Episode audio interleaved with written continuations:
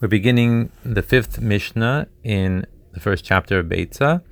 And here in this Mishnah, we're going to see four more arguments between Beit Shammai and Beis Hillel about Yom Tov.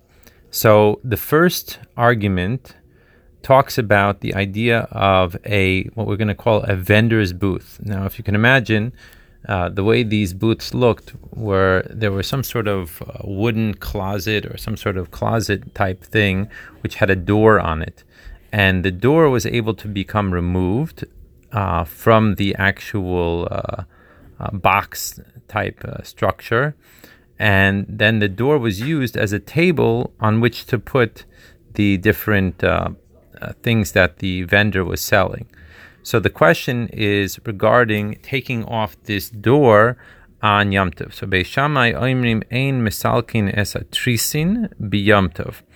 So Beis Shammai says that the vendor is not allowed to take off the door from his, uh, maybe we can call it a booth or a box on Yom Tov, because this taking off of the door is similar to the malacha of demolishing or breaking something down.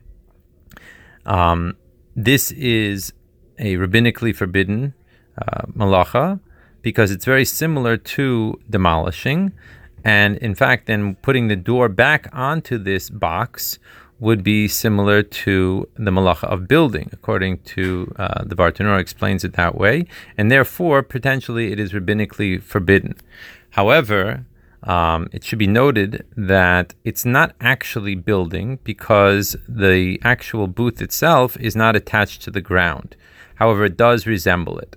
So Beis Shammai will say that this is not allowed. However, Beis Hillel matirin af lahachzir.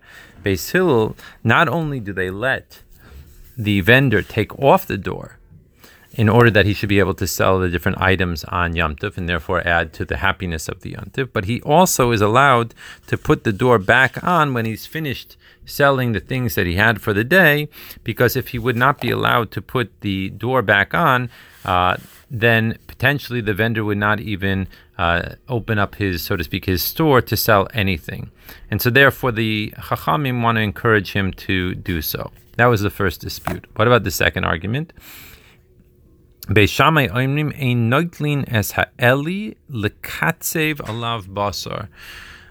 A person is not allowed to take a large, um, I guess we can call it a pestle, which was like a big, thick, heavy board.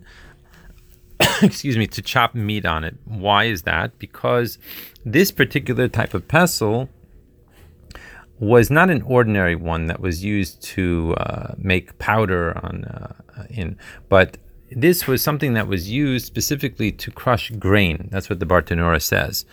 And so, since it was a very specialized item, it is an issue of muksa machmis chisaron kis. It's a muksa because of a possible uh, loss in money, and therefore, since it's in such an expensive item, Beis Shammai would say that this was muksa and it would not be allowed to be used. However, Beis Hillel, Matirin Beis Hillel say that it is allowed to be used, so that way he could prepare the food to be eaten on Yontiv. And once again, we see that the enjoyment of Yontiv wins out over the uh, prohibition of being muksa in case of uh, Beis Hillel's point of view. What about the third argument? Beis Shammai Aimrim Ein Naisnin Es Ha'or Lifnei Hadorsin or Dorsan, excuse me that a person who shechs an animal on Yontiv cannot put the skin of the animal in front of people in order that they should uh, trample it or walk on it in order to prevent it from uh, decaying, because this is really uh, similar the beginning of the malacha of tanning. And since this is the first step in the tanning process, Beis Shammai say that it is prohibited to do so. V'lo yagviena ella im yesh imo kezayis basar. And in fact, you're not even allowed to pick it up unless there is an olive size amount of meat attached to it, in which case it is no longer muksa, um, and therefore you could use it because potentially you could cook that meat.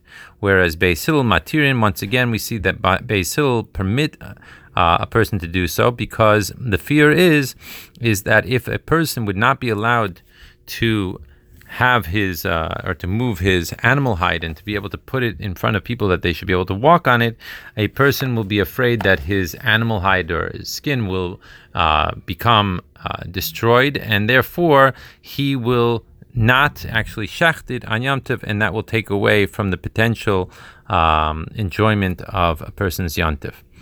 The final dispute is Beis Shammai Oimrim Ein motzin loes hakotin veloes halula veloes hasefer Torah l'rishus harabim. Beis Shammai says that you're not allowed to carry a child, a lulav, or a Torah scroll into the Rishus the public domain on Yom Tov, because this uh, violates the malacha of transferring, right? And since we know that on Yom Tov, all the 39 malachas are intact, however, there is a permission to be able to do malachas that are involved in food items, and therefore you're allowed to carry food items. But since this item is not a food item, therefore Beis Shammai rule that it's prohibited to carry these things. Beis Hillel Matirin, once again, we see that Beis Hillel permit us to move and carry these things around on Yantiv.